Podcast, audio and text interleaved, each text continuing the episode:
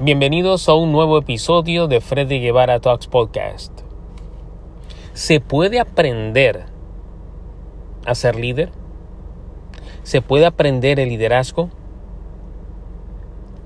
Como en cualquier otro campo de estudio, se puede aprender el liderazgo.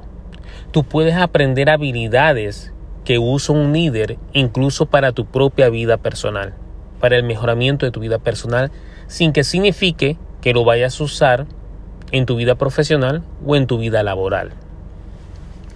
Pues bien, hay algo que quiero que quede claro y que es un paradigma que está bien arraigado en nuestra sociedad hoy en día.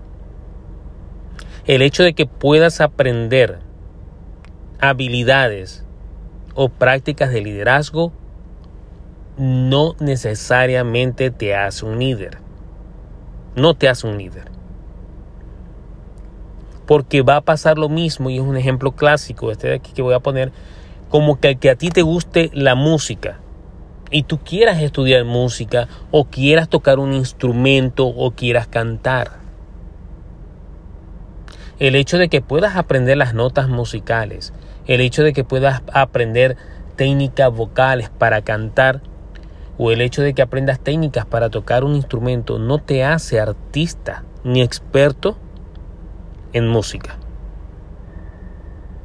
Espero explicarme. Es como un deportista. Si a ti te gusta el fútbol, te gusta un deporte y lo practicas porque te gusta, lo practicas porque quieres conocerlo, quieres experimentarlo, pero no te hace o un futbolista, no te hace un basquetbolista. Lo mismo pasa con el liderazgo.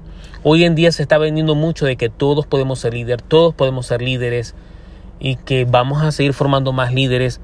No, todos no podemos ser líderes, así como no todos podemos ser artistas, cantantes, basquetbolistas, futbolistas. No todos podemos. E, e, esa es la realidad.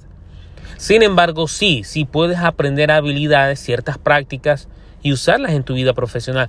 Porque lo que te hace un líder es el arte de hacerlo, el arte de practicarlo.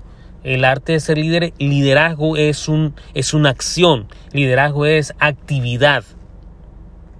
Entonces, si tú aprendes algo que no practicas, se te olvida o no desarrollas.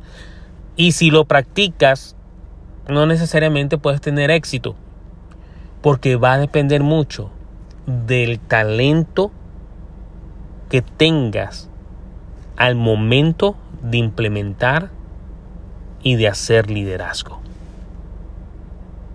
¿Qué opinas? Déjame saber si estás de acuerdo con eso o no, pero tenemos muchos ejemplos hoy en día de personas que están en posiciones de liderazgo y dejan mucho que desear. Hasta la próxima.